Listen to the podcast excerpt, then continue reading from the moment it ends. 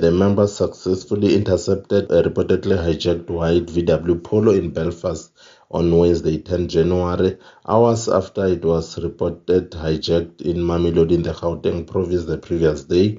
Members were busy with their routine uh, duties when they spotted this vehicle, which was allegedly cloned, being driven by the suspect.